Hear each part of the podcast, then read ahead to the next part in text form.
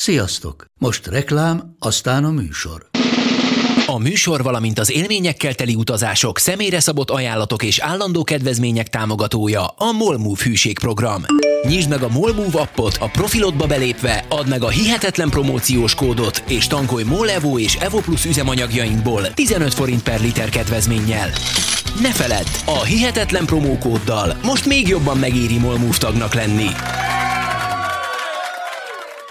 Vége a reklámnak, jön a műsor.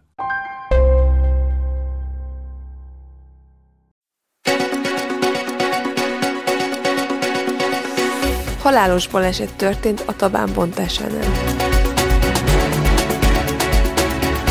Felavatták a szabadságszobrot, a magyar nép hálás a felszabadító vörös hadseregnek. Az évszázad bünténye. Értékes festményeket loptak a Szép Művészeti Múzeumból. Köszöntjük kedves hallgatóinkat, ez itt a Budapesti Sztorik, a Hihetetlen Történelem Podcast híradója. Idén ünnepeljük a főváros egyesítésének 150. évfordulóját, ebből az alkalomból indítottuk el híradósorozatunkat, amiben érdekes fővárosi történeteket gyűjtöttünk össze az elmúlt 150 évből. A híreket a korabeli sajtóból szemlézzük, vegyesen merítve a különböző korszakokból és évtizedekből. Ismerjük meg együtt Budapest történelmét.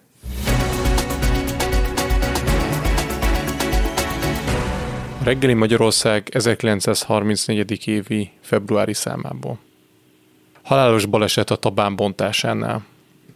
A Tabán bontások közben ma délelőtt halálos végű baleset történt. A Felsőhegy utcában hetek óta egész utcarész lebontásán dolgoznak a munkások. Ma délelőtt egy munkáscsapat az Orom utca közelében egy régi ház falainak lebontásához kezdett. Munka közben a ház fala váratlanul leomlott, és a törmelékek maguk alá temették Farkas Imre 49 éves napszámost. Munkatársaik, amikor az első egység elmúlt, rögtön segítségére siettek, kétségbeesett erőfeszítéssel igyekeztek társukat megmenteni a rázódult több törmelék alól, mire azonban rátaláltak, már halott volt. A kihívott mentőknek már nem akadt dolguk, a házfala teljesen szétroncsolta a szerencsétlen munkás testét. Az első kerületi kapitányságról rendőri bizottság ment a Felsőhegy utcába, hogy megállapítsa, terhele valakit felelősség a szerencsétlenségért. A Tabán a Gellért hegy és a Várhegy közötti dimbes dombos zölde vezet, ahol a múlt században becskő kulturális élet folyt. Na de hova tűntek innen a földszintes kis házak és a gírbegulba utcánk? A terület már régóta lakott volt, sőt már az őskorban is éltek itt emberek, a honfoglalás után pedig kis falvak alakultak ki a térségben. De igazán a török hódítás után népesült be a terület, amikor magyarok, németek és szerbek költöztek ide. Egyébként maga a neve is török eredetű. A Tabán név a Debagáni szóból ered, amelynek jelentése Tímár telep. 1810-ben hatalmas tűzvész pusztított el a házak többségét, amikor egy kádármester házában tűz keletkezett hordódonga égetés közben, és a lángok átterjedtek a szomszédos házakra is, és sajnos 50 ember meghalt, illetve 600 ház pusztult el a tűzben.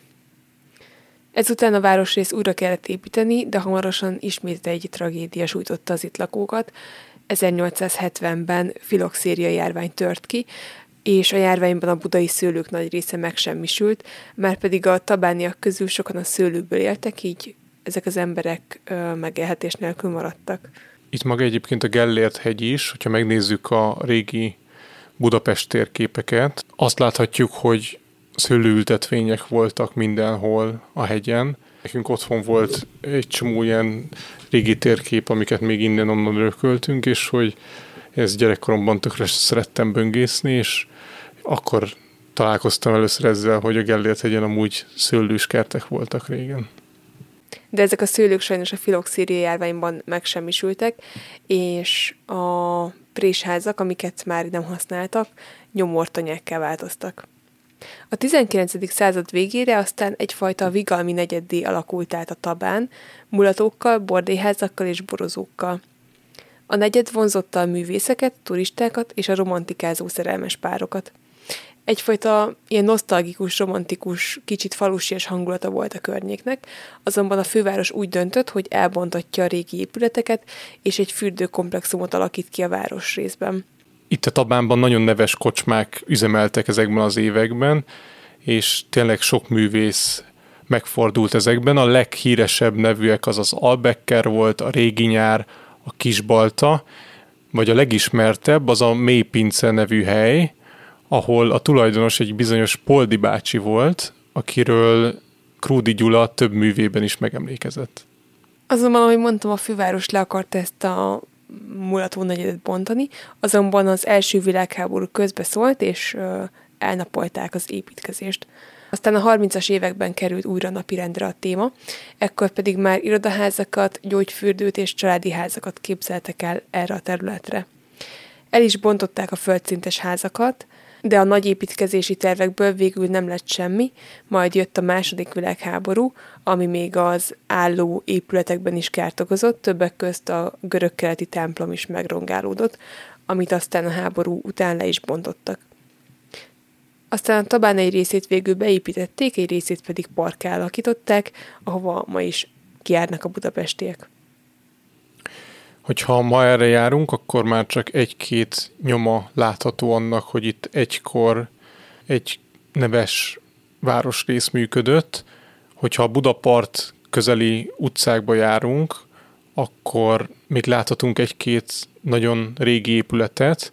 Ott egyébként maga az utcaszint alatt van ezeknek a házaknak a bejárata, szóval ha arra mész, vagy arra mentek azokon az utcákon, akkor lépcsőkön kell lemenni, mert itt ugye feltöltődött valamennyire a rakpart, valamint a Várker bazár irányába is van még egy-két épület, például a Semmelweis orvostörténeti múzeum is, ahol Semmelweis József bérelt üzletet és lakást, és azért is érdekes ez az épület, mert 1818-ban itt született meg a fia, Semmelweis Ignác is.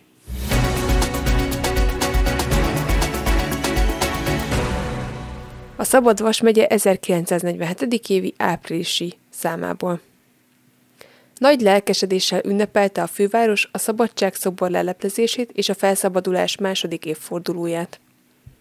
Már a kora reggeli órákban megkezdődött Budapest lakosságának felvonulása a Gellért hegyre, hogy részt vegyenek a Szabadságszobor leleplezésének ünnepségén. Az ünnepségen megjelent Tildi Zoltán köztársasági elnökkel az élén, a kormány valamennyi tagja, a Szövetség és Ellenőrző Bizottság képviseletében orosz részről Sviridov altábornagy, a Székes főváros képviseletében Küvágó József polgármesterrel az élen a város magisztrátusa, a külföldi államok magyarországi nagykövetei, a Nemzetgyűlés elnöke, valamint az összes hivatalok, társadalmi egyesületek vezetői. Tildi Zoltán, a Magyar Köztársaság elnöke emelkedett az ünnepség megkezdésekor szólásra. Országunk felszabadításának második évfordulójára készült el ez a monumentális emlékmű, mondta, mely hirdetni fogja a magyar nép háláját a felszabadító vörös hadsereg iránt. Ezután adta meg a köztársasági elnök az engedélyt a szobor leleplezésére. Nagy Ferenc miniszterelnök ünnepi beszéde következett. 1945. április 4-én takarodott ki az országból az utolsó német katona és fegyveres nyilas. Elvesztett szabadságunkat visszakaptuk a dicsőséges szovjet hadsereg katonáitól. A magyar földet a szovjet katonák vére öntözte, hogy a szabadság plántáját elültessék a magyar földbe. A vörös hadsereg azonban nem csak lehetővé tette számukra a demokratikus rend kialakulását, hanem segítséget, biztatást ad a további küzdelmek megvívásához, mondta a továbbiak során a miniszterelnök. Azzal adjuk át ezt az emlékművet rendeltetésének, hogy örök időkre éljen a Szovjetunió és a szabaddá tett Magyarország örök barátsága, fejezte be a beszédét a miniszterelnök. A Szövetség és Ellenőrző Bizottság nevében Sviridov altábornagy emelkedett szólásra. A szovjet hadsereg, melyet Stalin és a kommunista párt nevelt, bámulatba ejtette teljesítményével a világot, mondotta. Tiszta szívvel hozta meg a magyar nép számára is a szabadságát. Tudjuk, hogy a két évvel ezelőtt megszerzett szabadság megerősödött már olyan mértékben, hogy a sötét reakciós erők támadása ellen mindenkor megvédhető lesz. Örök dicsőség a szovjet hadsereg katonáinak és tisztjeinek, akik Magyarország felszabadításáért ontották vérüket. Éljen az új demokratikus magyar köztársaság és a Szovjetunió közötti örök barátság, fejezte be beszédét Sviridov. A beszédek elhangzása után a himnusz hangi mellett került sor a monumentális emlékmű megkoszorúzására. 1947. április 4-én avatták fel a Gellért hegy tetején a Szabadság szobrot, amit kisfaludi Strób Zsigmond készített el. A szobor talapzatán ez a felirat állt. A felszabadító szovjet hősök emlékére.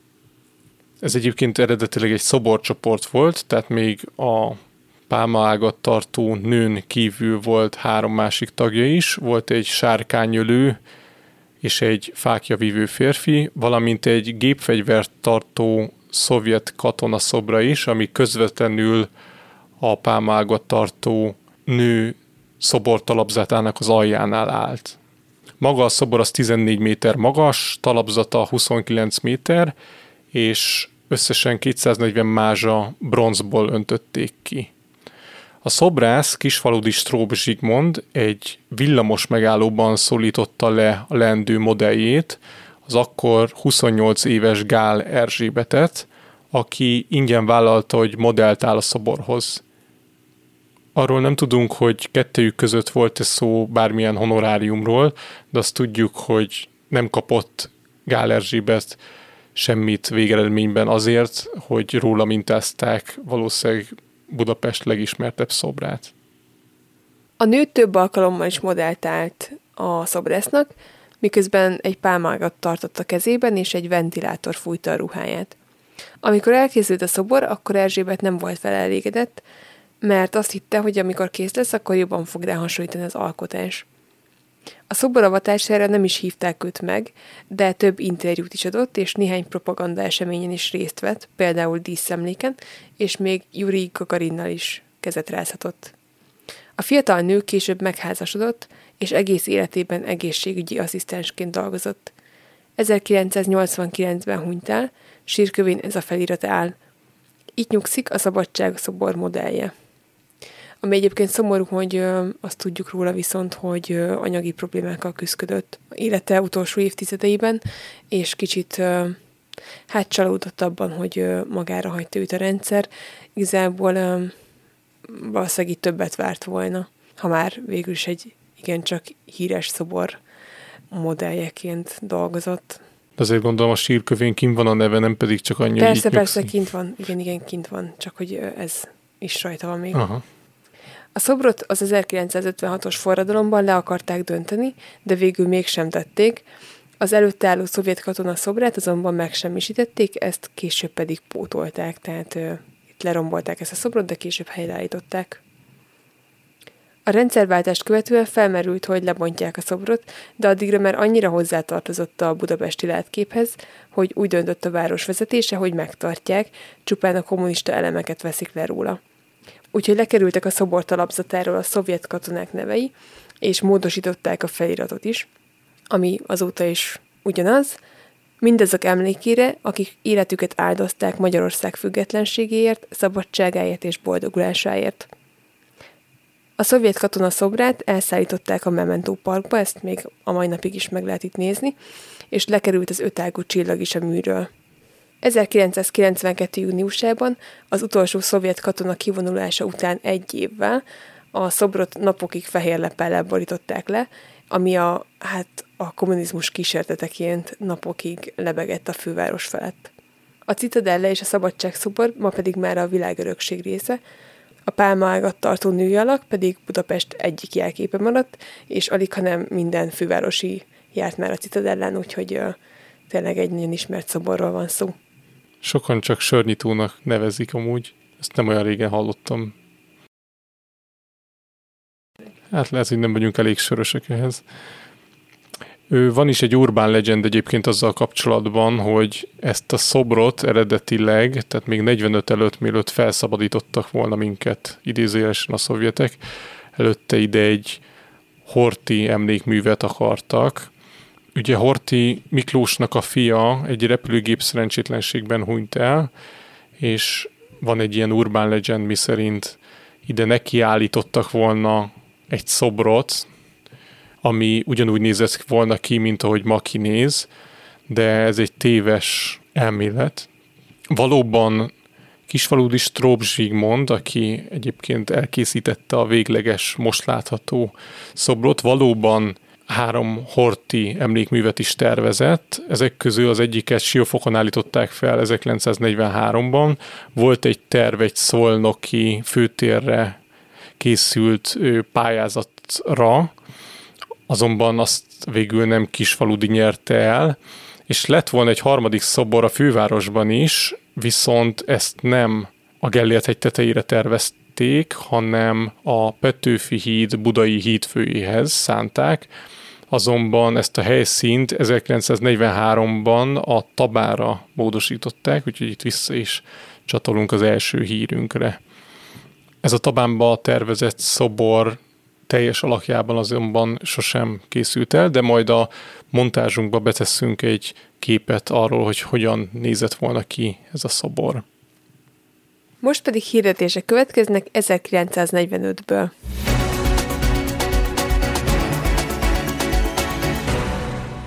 Egy vagontrágya és egy viselcsizma búzáért elcserélhető 11. kerület Pesti út 41 Serényinél.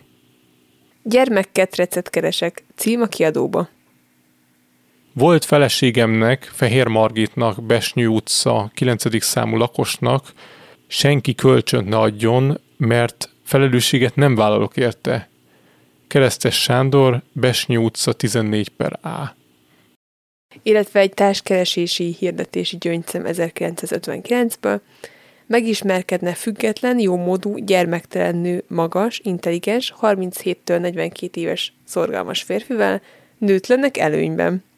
Valakire várok jeligére a Kossuth utcai hirdetőbe.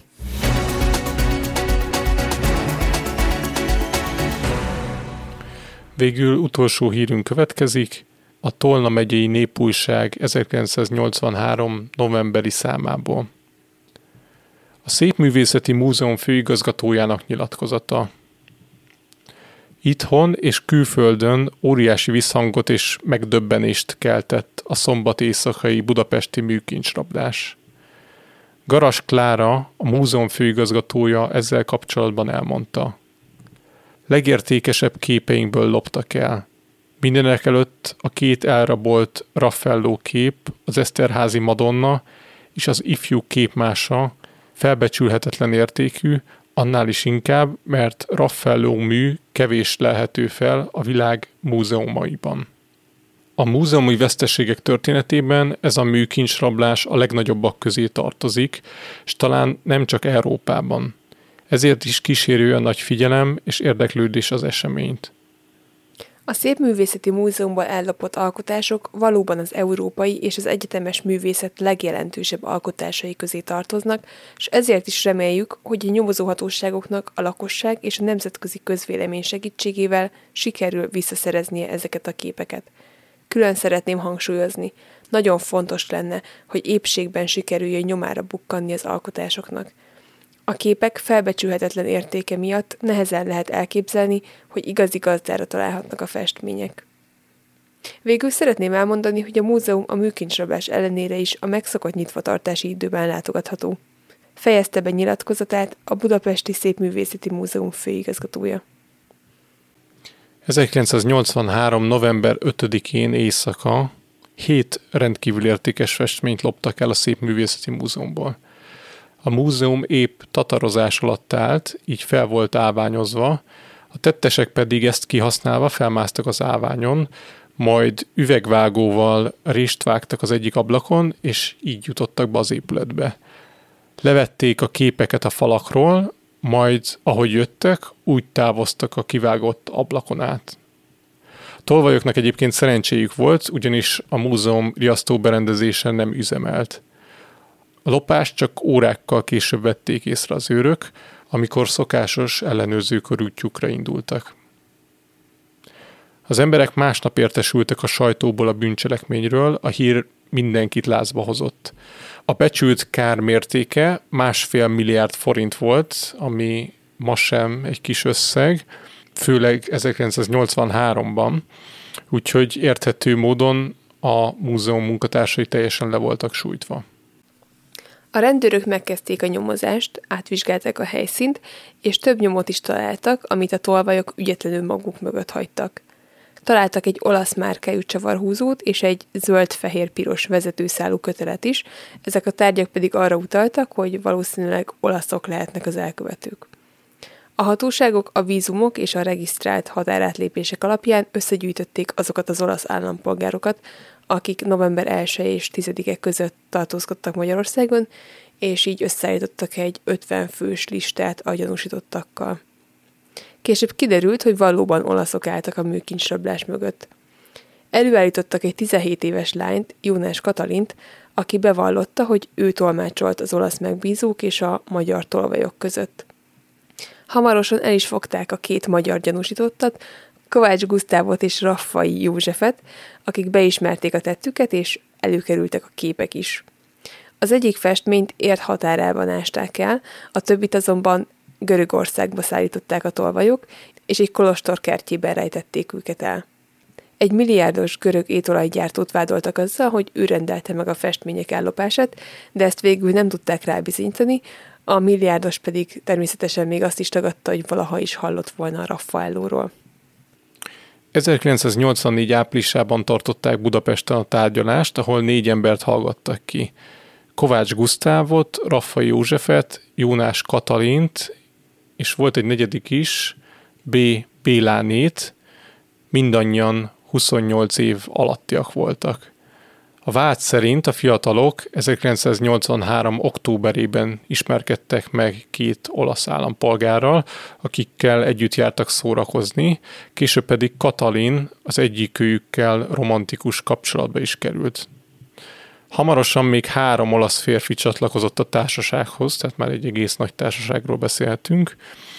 Az olaszok elárulták, hogy festményeket akarnak lopni a múzeumból, és Kovács Gusztávnak és Raffa Józsefnek 10-10 ezer dollárt ajánlottak fel, ha segítenek nekik. November 5-én késő este aztán megtörtént a bűncselekmény, ahogy azt már korábban részleteztük. Számomra egyébként ez kicsit érthetetlen és elég amatőrnek tűnik, hogy ilyen olasz felszereléseket a helyszínen hagytak. Tehát ennyivel, nem tudom, a lakcímkártyát is oda rakhatta volna kb. Hát igen, de hogyha nem hagyták volna ott, akkor pedig valószínűleg nem is kapták volna el ezeket az embereket. Hát azért mondom, hogy ez ilyen full amatőr. Mondjuk a, itt az elmondások szerint ez olyan, mint hogyha mi a haverokkal összejárnánk a kocsmába, és akkor egyik nap kitalálnánk, hogy akkor holnap ellopunk valamit a szép művészetiből.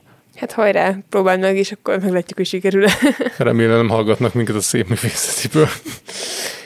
Kovácsot és Raffait lopással, a tolmácsoló Jónás Katalint bűnpártolással, B. Bélánét pedig hamis tanúzással vádolták, ugyanis utóbbi Kovács élettársa volt, és hamis alibit igazolt a férfinak.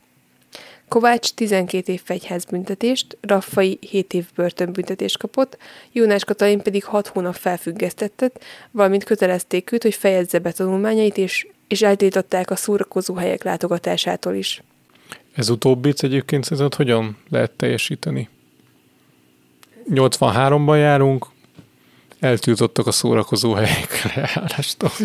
Nem tudom, lehet, hogy a szemét akkor is meg kellett mutatni. Ugye 17 éves volt ez a lány akkor, tehát nagyon És fiatal. gondolod, hogy minden kocsmában le volt adva 20 név, hogy ide nem jöhetnek be ezek az emberek? Fogalmam nincs. Hát akkor veszek magamnak a közértben egy bort, és küldök valahova a haverjaimmal, és akkor elkezdünk beszélni a Nemzeti Múzeumról. Hát ezt nem tudom. Azt viszont igen, hogy az olasz bandatagokat Olaszországban ítélték el. Ők 4 év 6 hónap, illetve 4 év 9 hónap börtönbüntetést kaptak. A korabeli sajtó pedig az évszázad büntényének nevezte az esetet. Ez volt tehát a Budapest Historik második része. Reméljük, hogy érdekesnek tartottátok ezeket a kis budapesti történeteket. és bátorítunk titeket arra, hogyha ismertek egy jó történetet a főváros múltjából, akkor írjatok nekünk, és mi keresünk hozzá korabeli cikkeket, és betesszük a következő adásba. Köszönjük, hogy meghallgattátok az adást, hallgassatok minket máskor is, sziasztok! Sziasztok! Ha szeretnétek tőlünk extra bónuszadásokat hallgatni, akkor csatlakozzatok a Patreon közösségünkhöz a patreon.com per hihetetlen történelem oldalon, ezt a linket betesszük a leírásba is. Kövessetek minket Facebookon és Instagramon, ahol az adások mellett sok egyéb történelmi érdekességet is megosztunk veletek. Örömmel fogadunk e-maileket is a hihetetlen gmail.com e-mail címre, ha kérdésetek, észrevételetek lenne az adással kapcsolatban. A podcastet megtaláljátok az Apple Podcast-en, Spotify-on és még sok más helyen is. Hallgassatok minket máskor is. Sziasztok! Sziasztok! Ha más podcastekre is kíváncsi vagy, hallgassd meg a Béton műsor ajánlóját. El tudod képzelni, hogy a podcastet, amit éppen most hallgattál, fél év múlva már a mesterséges intelligencia generálja? Mi sem. De ha érdekel, eljötte már a gépek lázadása. Hallgass bele az Embertelen podcastbe. Orsós Lajos vagyok, a műsor házigazdája. Egyelőre még élőben. Egyelőre. Fedezzük fel együtt, hogyan ismerkedik, randizik, mesél és vitatkozik Betty és Péter, két teljesen mesterséges intelligencia. Lajos, a podcast címét mond még egyszer, Léci. Oké. Okay. Embertelen podcast. Ez a műsor a Béton közösség tagja.